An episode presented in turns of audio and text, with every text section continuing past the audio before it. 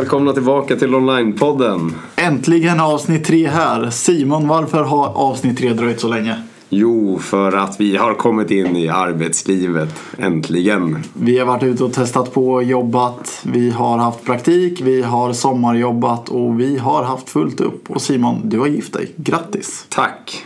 Så därav kommer jag numera heta Simon Wong. Jag var en sån som tog frugans efternamn. Säga vad ni vill om det, men... Men eftersom vi har varit så upptagna också så har vi valt att kalla in lite förstärkning. Vi säger välkomna till Louise, Tack så mycket. Tack. Onlinepoddens nya stjärna. Stjärna också. Det var väldigt, eh, väldigt snällt att ni redan nu känner att jag har vi sagt sätter tre ord och jag är en stjärna. Vi sätter ribban på en gång. Kan du berätta bra. lite om vem du är Louise? Eh, jag är alltså Louise Andersson och eh, ni ser mig säkert i sociala medier som Louise Andersson Ulfsdotter. Jättetöntigt för att jag har inte haft råd att betala mig namnet än. Det kommer. Ehm, jag är tjej ska vi också säga och eh, jag fyller snart 27. Eh, jag går i er klass här på Medieinstitutet eh, och ska också bli en online-marknadsförare lika cool som ni. Jag hänger med ganska mycket i klassen, har ingen erfarenhet av online-marknadsföring sedan tidigare. Och det här, this is it. Så. Så i december så är jag då online-marknadsförare, någonting som jag aldrig trodde i hela mitt liv att jag skulle bli. För jag visste inte riktigt vad det var för ett år sedan ungefär, när vi började skolan. Men på ett år har du blivit en grym online-marknadsförare. Det var snällt, det var snällt eh, att säga det. Men eh, jag hoppas att kunna bli ännu bättre såklart. Jag har jobbat på Scream nu under sommaren. Där jag även kommer vara lite höst och förhoppningsvis förlängt senare. Eh, så det har kastat sig in helt enkelt. Som ni också har gjort egentligen sen poddavsnitt nummer två. Så tror jag att det är det vi har lite gemensamt. Vi har varit lite busy helt enkelt och nu får det bli andra bullar och komma in här. Lite busy, lite mer kött på benen. Simon, du är på VGP Jag är på VGP. och du trivs där. Ja, det gör jag absolut. Jag kommer även vara där nu i höst och eventuellt fortsätta med en anställning där, hoppas jag. Det hoppas vi alla. Och ska du ha hamnat på Keybroker? Jajamän, där sitter jag och sysslar med CO, SEM, konvertering, lite av varje så att säga. Och det är väldigt kul att få gå från den här breda utbildningen till att ha ett yrke där man tillåts vara bred i online-marknadsföring. Vem är du i Gott och blandat-påsen, Oskar? Oj, vilken fråga. Det är mycket intressant. Jag tror att jag är den röda. Faktiskt. Jag måste säga att jag är en saltfisk. ja, ni får vara det. Jag är den gula i alla fall. Gul, röd och svart. Där har ni våra mix. Och Det är här där kom- vi har den. Och här kommer avsnitt tre.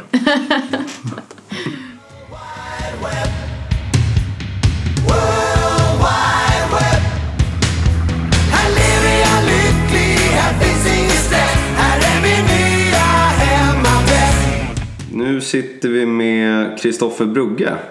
Välkommen. Tack, tack. Och välkommen Louise. Tack så mycket. Första poddavsnittet. Kul, kul att ha dig med och kul att ha dig med Kristoffer också.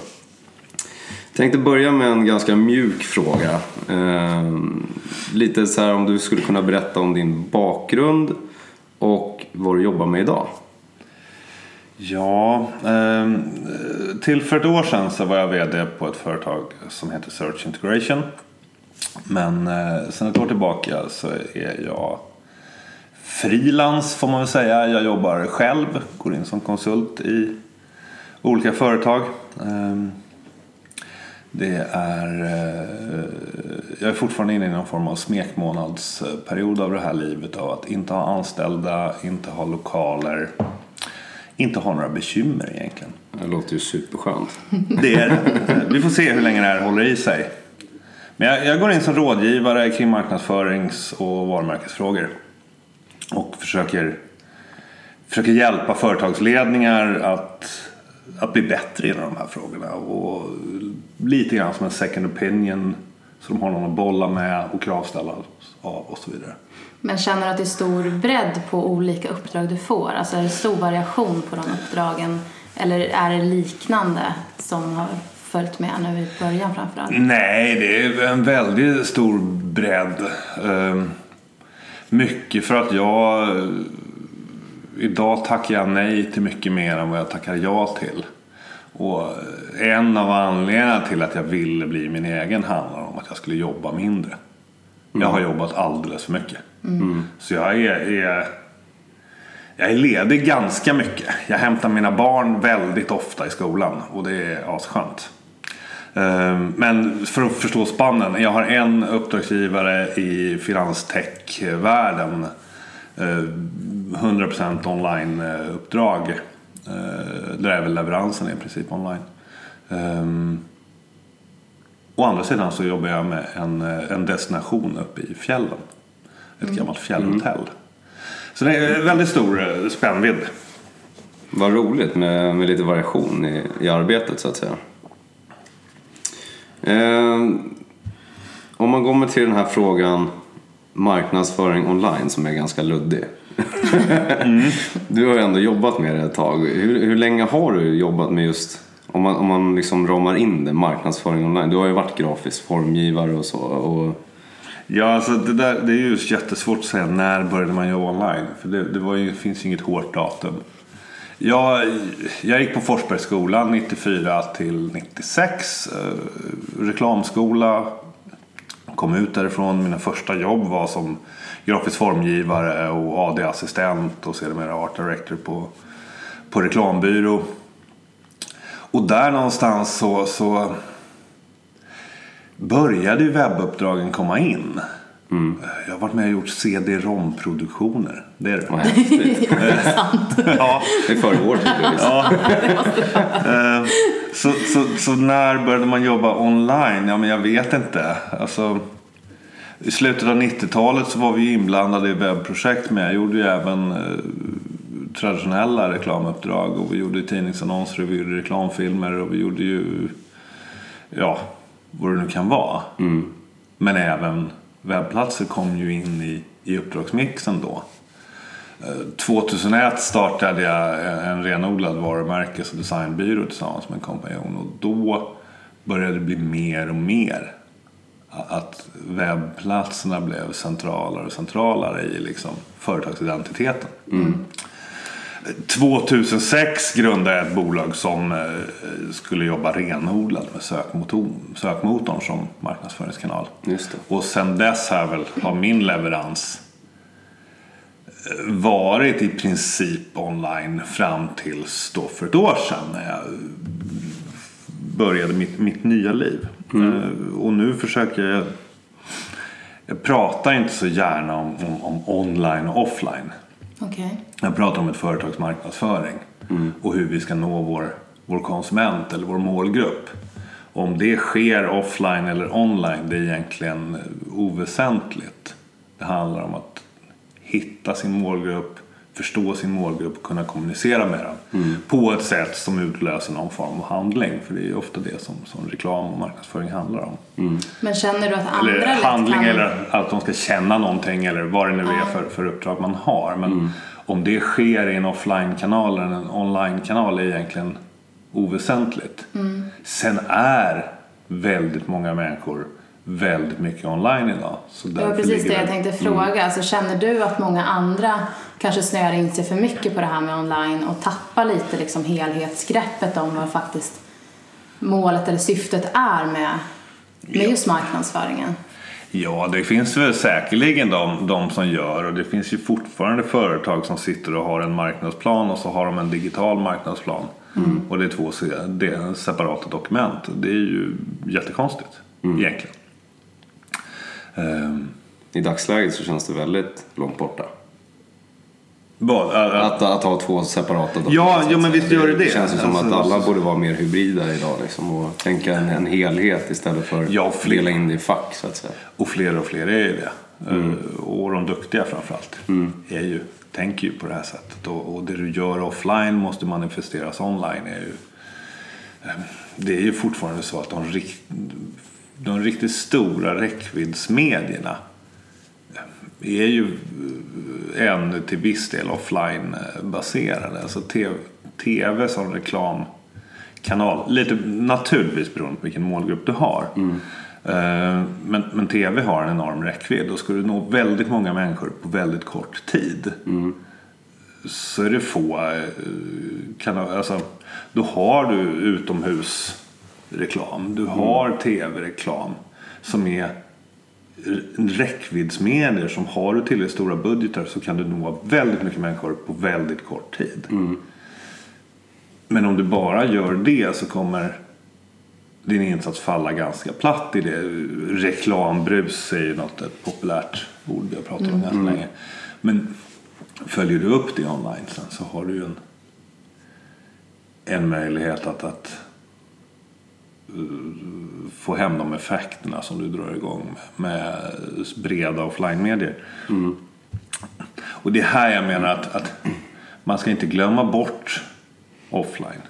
Det är några av de största räckviddsmedierna vi har. Men, Mm, absolut. men de sitter ju liksom ihop och det går inte att tänka on offline idag.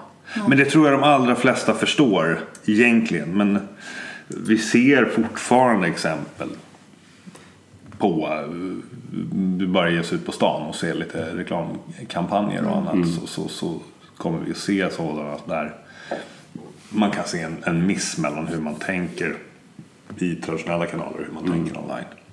Men en, mm, fråga om nyfikenhet egentligen. Alltså den här kunskapen som du ändå besitter och den erfarenheten du har.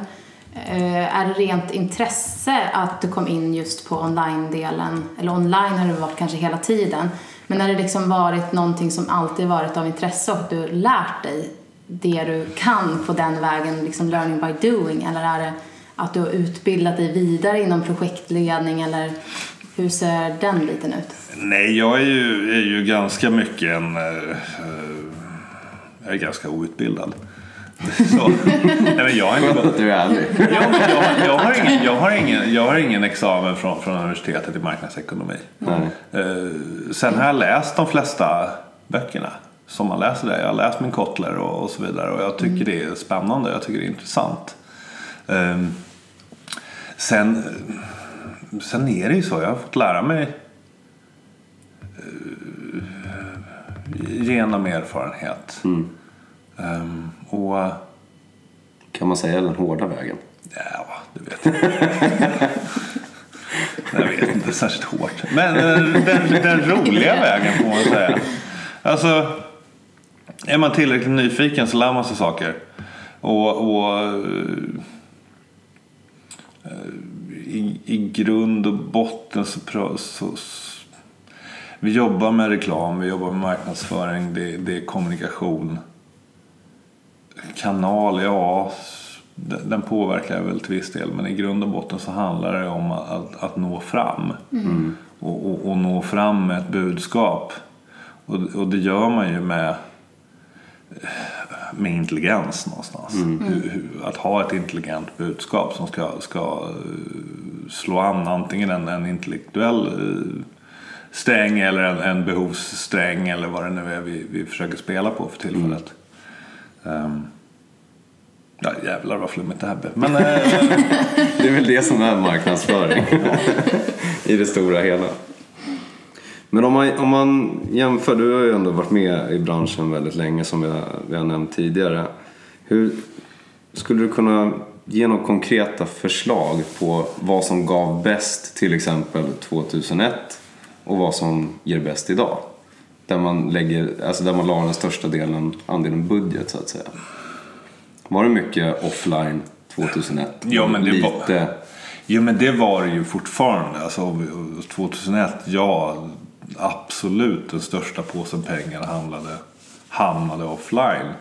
Ehm, det är ju så att mycket av det vi gör idag det kan vi göra på grund av att vi har bandbredder och uppkopplingar och, och, och devices i form av laptops och, och framförallt mobiltelefoner och tablets som gör att vi, vi kan vara så mycket online som vi är idag. Eller människors liv har förändrats fundamentalt.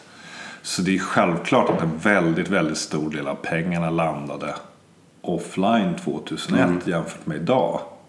Av, av, av tekniska skäl, av, av vaneskäl och av att ja, men vår befolkning, vår, våra, alltså människorna var ju inte lika vana vid att hänga på nätet som vi gör idag. Och utbudet var ju, alltså 2001 satt väl ganska många människor på, på liksom 28-8 modem hemma som skrek.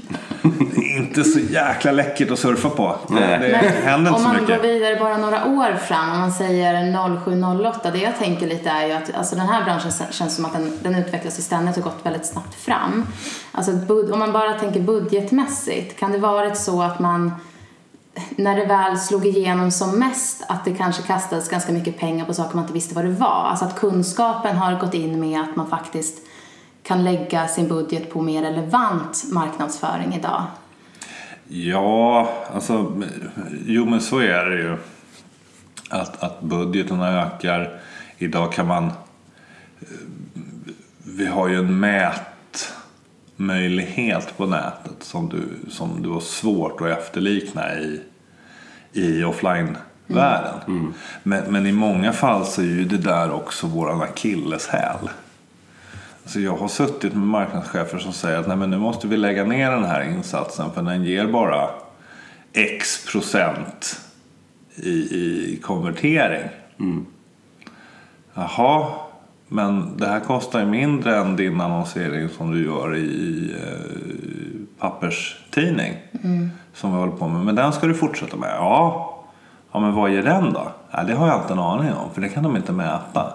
Så att alltså den det, man ska mäta. Jag är en oerhörd vän av mätning och analys och att försöka optimera och förstå den data som vi ändå samlar in.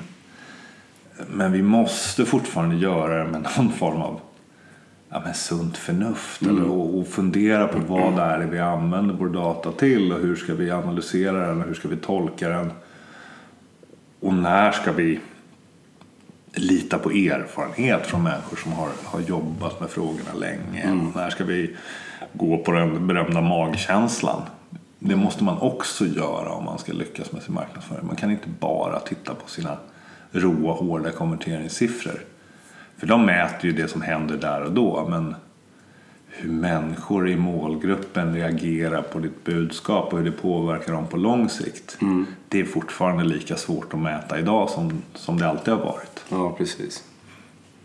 Men eh, nu vet inte jag, nu kanske jag hittar på en siffra procentuellt här. hur eh, just det här med startups, just i, om man nu ser till den här branschen, om vi nu ska säga online-marknadsföring, fast nu ska vi ju inte bara prata det då, har vi ju förstått.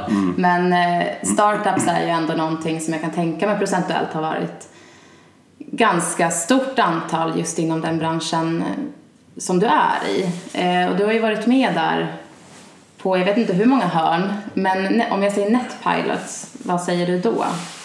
Ja, men det var en, en, en, eh, ja, det var en resa. ja, Mycket huvudvärk. Nej, men det var spännande. Nej, men det var spännande. Alltså jag, 2006 blev jag kontaktad av riskkapitalbolag. Med, eh, med, frågeställningen var egentligen enkel. Vi vill äga ett bolag som jobbar med sökmotormarknadsföring. Vill du driva det åt oss? Och, och jag kom ju från att ha jobbat på reklambyrå och sen drivit egen eh, varumärkes och designbyrå i sex år. Och, och nyss lämnat den. Ehm, och kunde väl inte, alltså sökmotorn som marknadsföringskanal, ja vi hade ju byggt webbplatser och ja vi hade varit i, i, eh, i uppdrag där det var en viktig parameter. Men någon större erfarenhet av det, det hade jag inte. Men, men utmaningen och, möjligheten att ha någon som säger här får du en påse pengar, kan du bygga ett företag av det här? var ju liksom, ja men det gick inte att missa.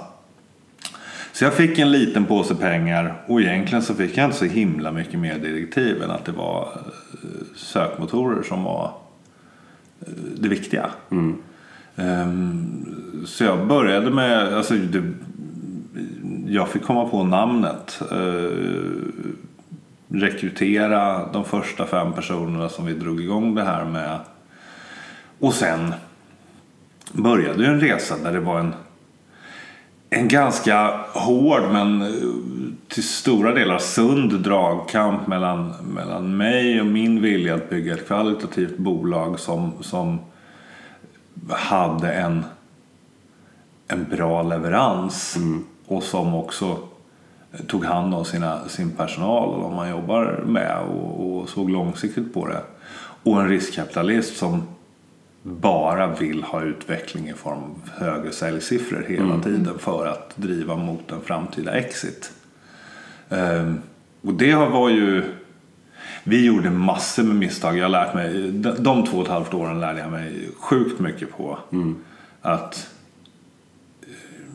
hur den här dragkampen mellan, mellan sälj och leverans och hur och försöka balansera den på ett sunt sätt.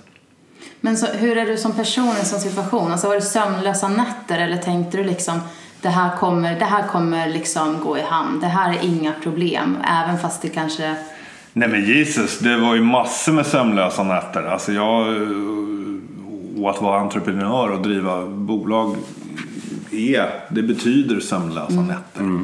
Alltså, kommer vi landa den här kunden? Kommer vi inte landa den här kunden? Vad händer? Har jag råd att betala ut löner nästa månad?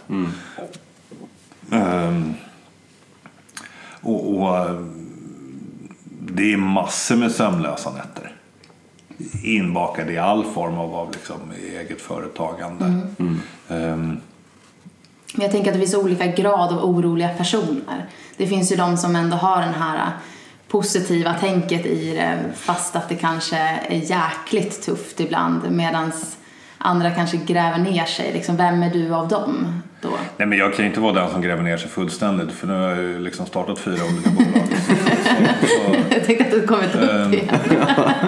men, men, men jag är nog... Nej men jag är nog en sund skeptiker och, och, och ganska duktig på att spela djävulens advokat både mot mig själv och mot andra. Och försöka se problemen i tid. Hoppas jag. Jag, tr- jag tror att jag är hyggligt duktig på det i alla fall. Eh, men, men, men visst. Det finns ju en anledning till att jag tycker det är extremt skönt att bara vara jag just nu i mitt liv som, som rådgivare och frilansare. Inget ansvar. Eller ganska mycket ansvar. Allt alltså. Allt ansvar. Jo, men det som är det sköna med det är att jag kan ju att mina beslut Det är Påverkar. råd. Ja, ja men det, det är de ju. Men de måste ju, vara, de måste ju ge effekt annars. Och, och i vissa fall så jobbar jag ju ganska praktiskt med, med uppdragsgivarna. Men mina beslut om huruvida jag vill ta ett uppdrag eller inte ta ett uppdrag och, och så vidare. Om jag tycker att, eh, att någonting är kul att göra och kan tänka mig att göra det utan att ta så hutlöst mycket betalt. Eller om jag kan, det har ju också hänt att jag har fått uppdrag som jag kanske inte riktigt har tänkt ligger i linje med det eh, jag har planerat för framtiden. Men de pröjsar ohemult bra och då kan jag ta ett sånt uppdrag. För jag, jag har liksom inte ett företag som behöver hålla en tydlig linje och, och en utveckling. Det är bara jag och ingen annan än jag påverkas av, av mina beslut. Och säger jag nej till ett uppdrag som hade betytt mycket pengar så påverkar det bara mig och min lön och inte massa andra människor som sitter i, i, i organisationen. Och inga andra ägare som kan tycka någonting om det och så vidare. Och det är väldigt, väldigt skönt. Och, och liksom, nu väljer jag ju mina uppdragsgivare för att jag tycker att de har roliga eh, idéer eller bra eh, affärsupplägg eller spännande produkter eller finns på spännande platser. Ehm, Typ Bali. Ja, hallå där ute. Är det någon som har ett företag på Bali så kan jag tänka mig att komma och jobba tre Vi veckor. kan, vi kan ha sån här inringningsjour. Men e- efter din resa så har du ju varit med om ganska mycket.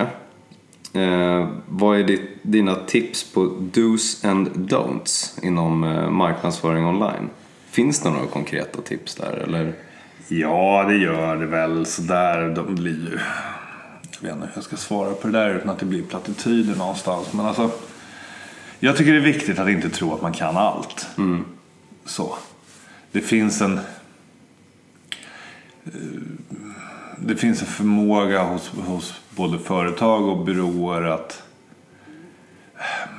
att tro att de kan allting själva. Och, och det är omöjligt. Så att, att ta hjälp är, är, är bra att göra. Men samtidigt får man inte vara rädd för att testa saker och ting. Alltså att våga bryta lite ny mark och, och, och försöka se om vi kan hitta nya möjligheter. Ehm, sen en stor eh, misstag, alltså satsa inte för små resurser. Det- är lätt att man vill göra för mycket med för lite resurser. Och då resurser, ja, i pengar men också i, i, eh, i händer och fötter, människor. Ehm, och, och eh, min filosofi är hellre göra lite grann och göra det jävligt bra. Än att göra massor med saker som blir lite halvdana. Ehm, och det är generellt, det handlar ingenting om, om, om online egentligen. Men eh, sen tycker jag att företag bör ha en sund skeptism till, till konsulter. Så, jag är själv konsult. Ja, det är intressant. Vi, vi med. Nej men alltså det finns... Ja, men det finns ganska mycket ormolja där ute och, och eh, onlinevärlden är fortfarande, den är inte jättegammal.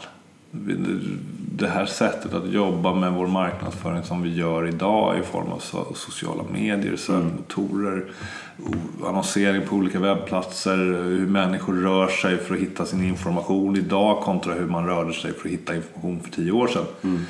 har ju förändrats enormt mycket. Det är inte för inte du pratar om en digital revolution.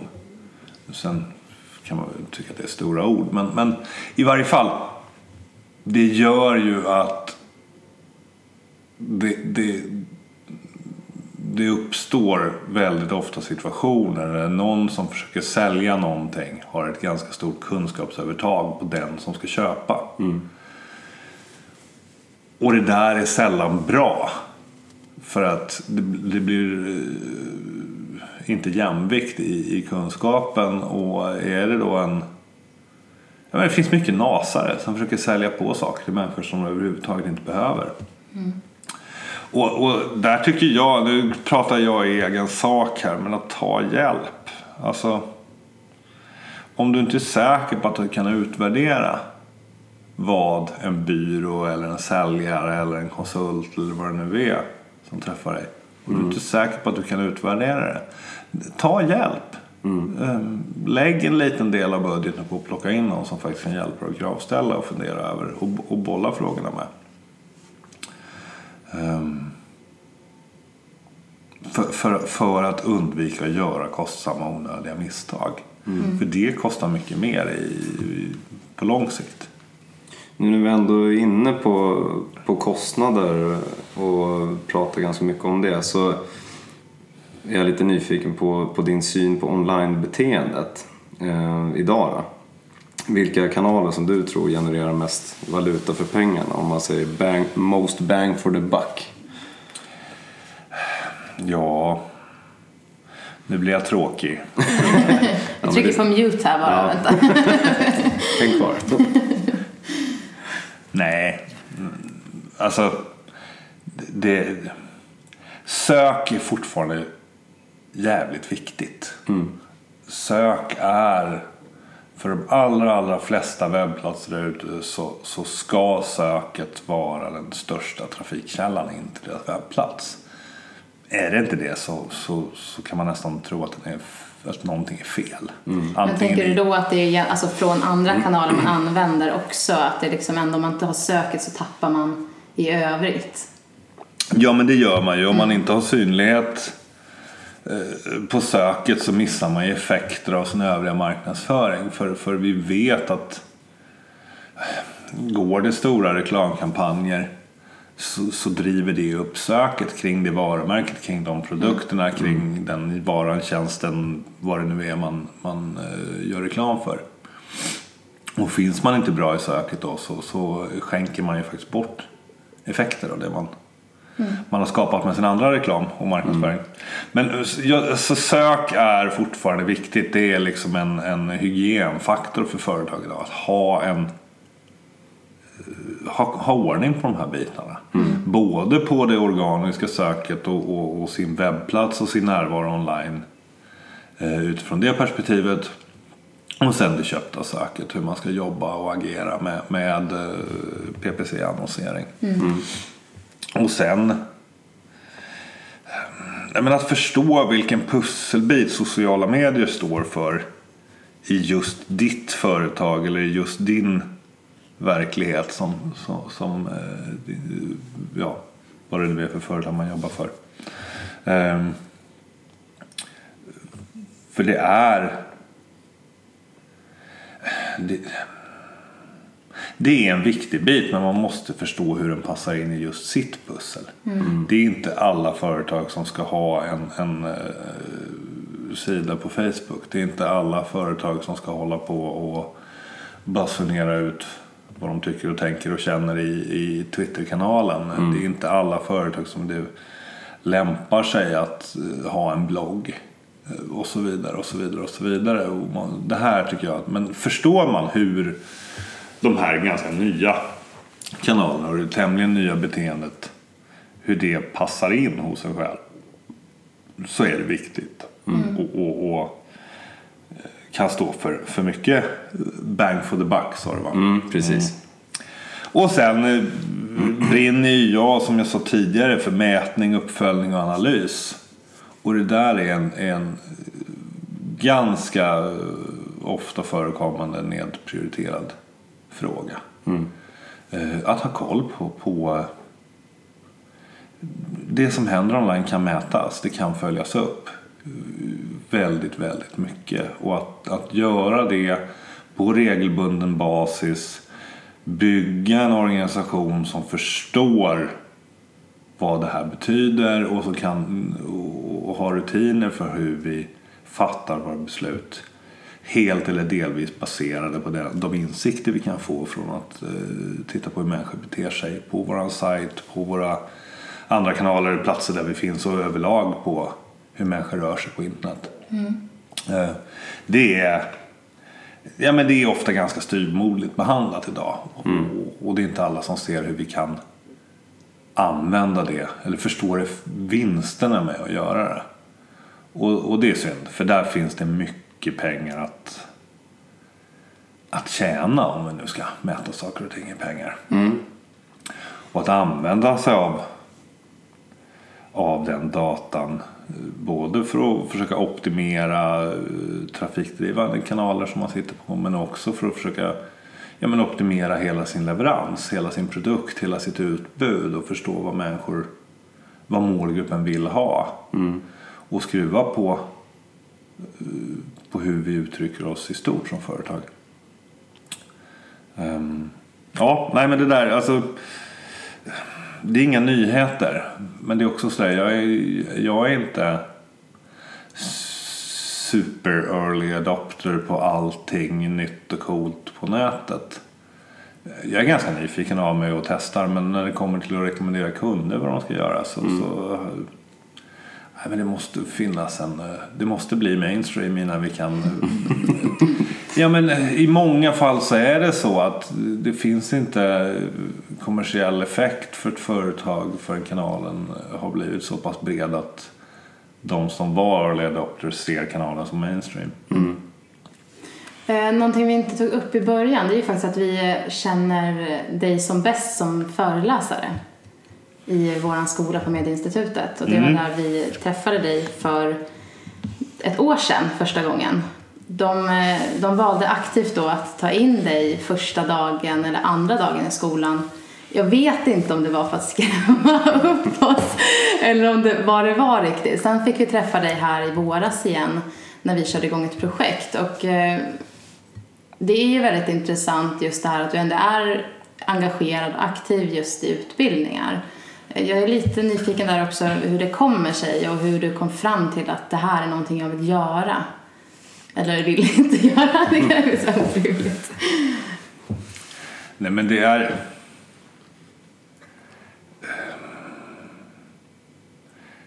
Det är, det är, är, ja men dels tycker jag att det är kul att föreläsa. Alltså man får en kick av, att- av, av, av att prata med inför en större mängd människor och känna ett gensvar. Och liksom, eh, det är oerhört direkt. Man känner direkt om det man säger funkar och går hem eller om, om, eh, Och man pratar över huvudet på, på människorna. Och det där är, ja, men det är stimulerande.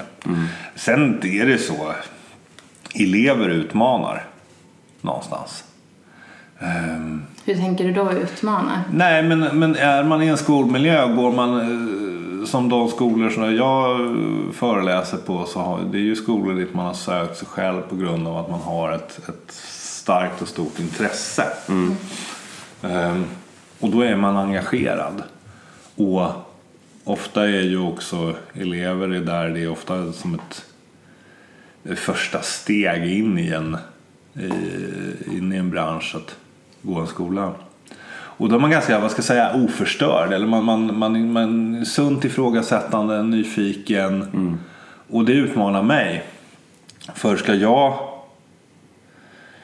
lära ut någonting så tvingas jag ifrågasätta min egen kunskap. Eh, Jag kan inte stå och slentrianprata om jag ska verkligen lära ut någonting. Eller prata om saker som jag känner mig trygg och bekväm i. Jag måste försöka lära mig själv och tvingas utmana mig själv och vad jag kan. Ehm, och, och ehm, att få att få det gensvaret är, är nyttigt för mig. Att liksom tvingas ifrågasätta min egen kunskap, söka ny kunskap för att jag ska jag får inte hamna i en situation där eleverna kan mer än mig. Då är jag ju toast. liksom. Ja, men det går inte. Alltså, så jag tvingas ju ifrågasätta mig själv, min kunskap och jag tvingas förklara. Och kan jag förklara för elever i skolan hur de ska tänka kring de här frågorna så blir jag också duktigare på att förklara för en marknadschef eller en VD eller en styrelse hur de måste tänka och agera. Så det där, Men hur många år har du varit eh, föreläsare? Eller föreläsare, du kanske har varit föreläsare på andra... Ja, jag har varit inne i olika skolor sen. Faktum är att mitt allra första jobb efter eh, gymnasiet och, och jag pluggade lite efter gymnasiet också. Men innan jag började på Forsbergs skola då jobbade jag ett år som, gymna- som gymnasielärare. Du börjar redan där? Ja, Jaha. Mm. det gjorde jag. Men, men, Intresset har alltid funnits. nej, nej, men det, ja, det fanns väl ett intresse där. Men jag fick ett jobb. Det var bra. Ehm, Men om man ser bara, alltså om man nu ändå... Du har ju ändå sett en, och träffat väldigt många elever och varit med i flera utbildningar och föreläst och haft ett finger med i spelet. Eh, förbättringar, alltså på det planet, ser du några sådana här tydliga förbättringar som kan göras? Någonting som faktiskt inte, alltså för framtidens online-marknadsförare, om vi bara ser till vår utbildning nu, att det är någonting, det är en pusselbit som saknas där, någonting som kan bli bättre.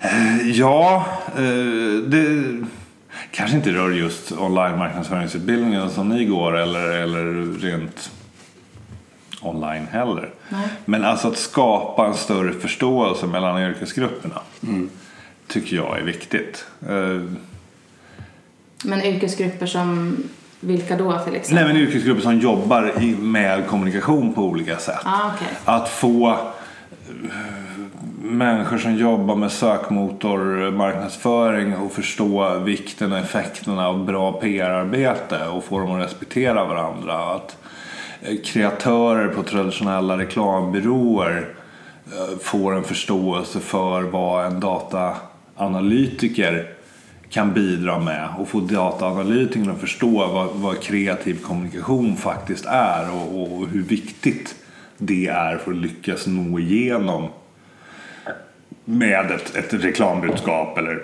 någon form av information.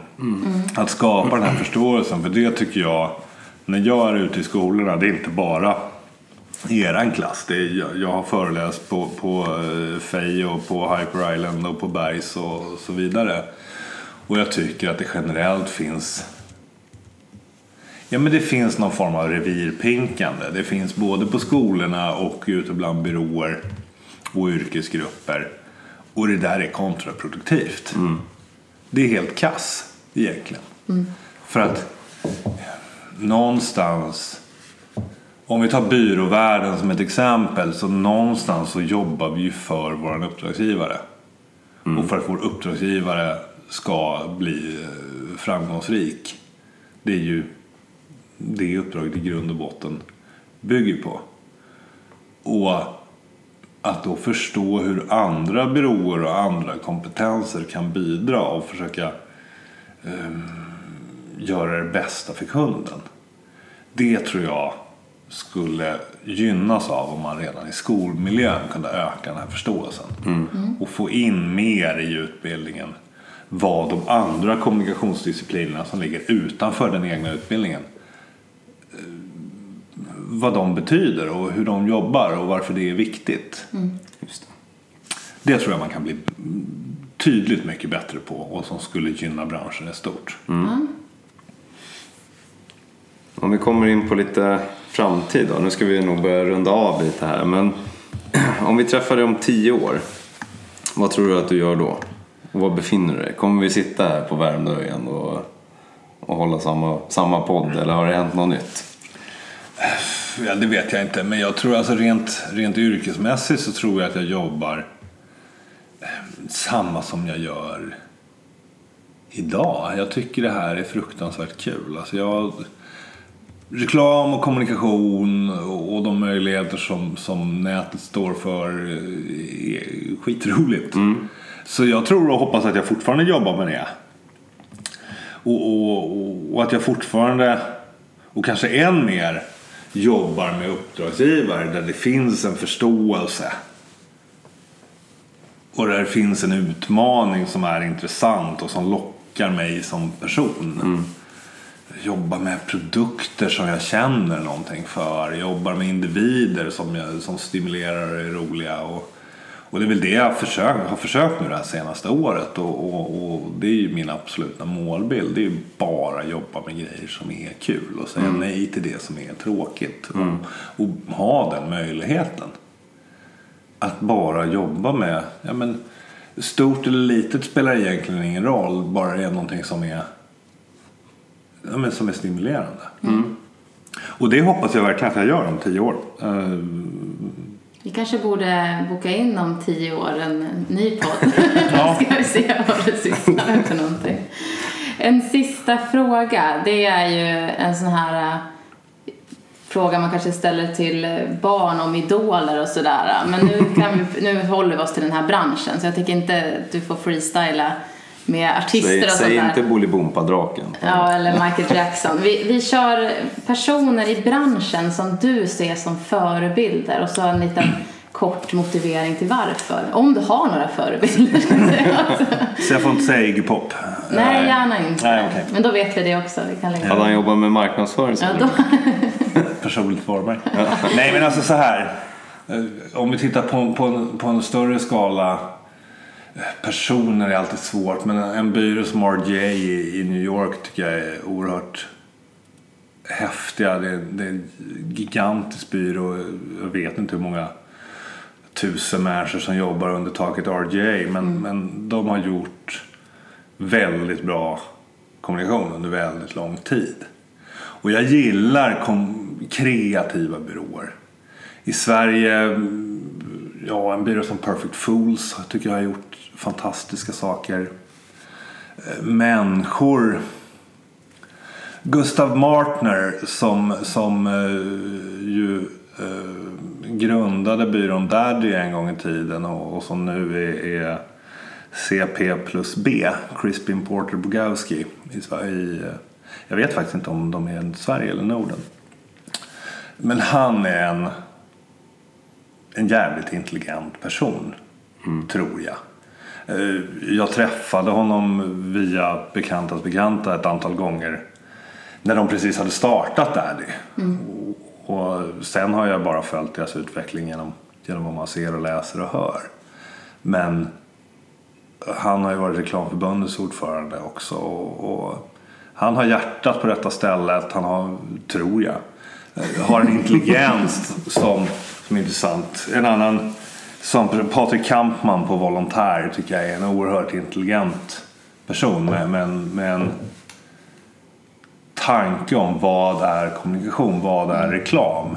som saknas hos, hos en hel del andra. Sen kan jag vara imponerad av individer som om vi går närmare er och er utbildning och den värld ni jobbar i. Eh, Jerry Silver och, Niklas Dipstrand. Eh, Jerry Silver som har bloggen Dr. Spin.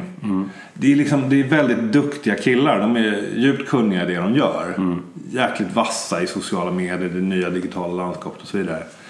Men mest imponerad är jag av dem över hur duktiga de är på att bygga sina personliga varumärken. Att de båda har en hög kompetens kring det de gör men sen är ja, men de skäms inte för att snacka för sig. Det där kan jag vara lite avundsjuk på ibland. Jag är inte så duktig på att synas och höra och bullra om mig själv. Och det kanske man ska behöva bli, borde man bli bättre på. Det här är ju en väg in för dig då. Ja, ja, ja. Onlinepodden kommer slå nya Nya lyssnarrekord här. Ja, det är helt säker på. Det kommer bli Twitterstorm tror jag när vi Ja. skriver att vi har Kristoffer Brugge som gäst. Vem då? Vem, vem skulle du vilja höra i nästa avsnitt om vi ändå snackar online-podden? Vem skulle Oj. du vara Som in... vi inte behöver flyga in Nej, precis. budgeten. Inte så Vi, här tänk på att vi är studenter. Ja, men Vem ni borde prata med? Vem, åh, eh, ska vi ha någon, någon form av koppling till eran utbildning? Det kan vara branschen är brett också liksom. Ja. Lite wild and crazy. Ehm. Nej men då skulle jag säga, alltså jag har, har tipsat eran, eh, eran eh, utbildningsledare om ett namn för en eh, kille som jag tycker att de ska ta in som föreläsare. Och det är en kille som heter Mattias Kindell. Han, idag är han, nu ska vi se, han har ju en sån här krånglig titel. Global Digital Marketing Manager för varumärket Husqvarna. Okej. Alltså det är en tungt jobb. Globalt ansvarig för all Husqvarnas digitala kommunikation om jag har förstått rätt. Innan dess var, var han eh, digitalt ansvarig för IBM i Norden. Innan dess var han på Polia och innan dess, om jag inte minns helt fel, på Electrolux. Så han har ju varit på kundsidan. Men och i en position där han någonstans är eran motpart. Han, en person i hans roll kommer antingen vara den som anställer och kravställer er till viss del om ni går in och jobbar på en marknadsavdelning. Eller så är han er beställare. Nästan oavsett vilken typ av, av eh, byrå som jobbar med, med online-marknadsföring ni handlar på, hamnar på så är det en person som han som är eran, eran motpart. Det. Därför tyckte jag att han var intressant som föreläsare på skolan för er och, och därför så kanske han också vore intressant för er att, att prata med. Ska vi få tag på honom? Nu räcker vi ut en hand här nu. Watch out. Nu åker vi. Göm dig Mattias! Jag mailbombar dig Mattias. Jag mejlar just nu. Ja men då får vi nog ta och tacka för din tid Kristoffer. Tusen tack för att du Tusen tog dig tid för oss. Tack själva! Ha det bra.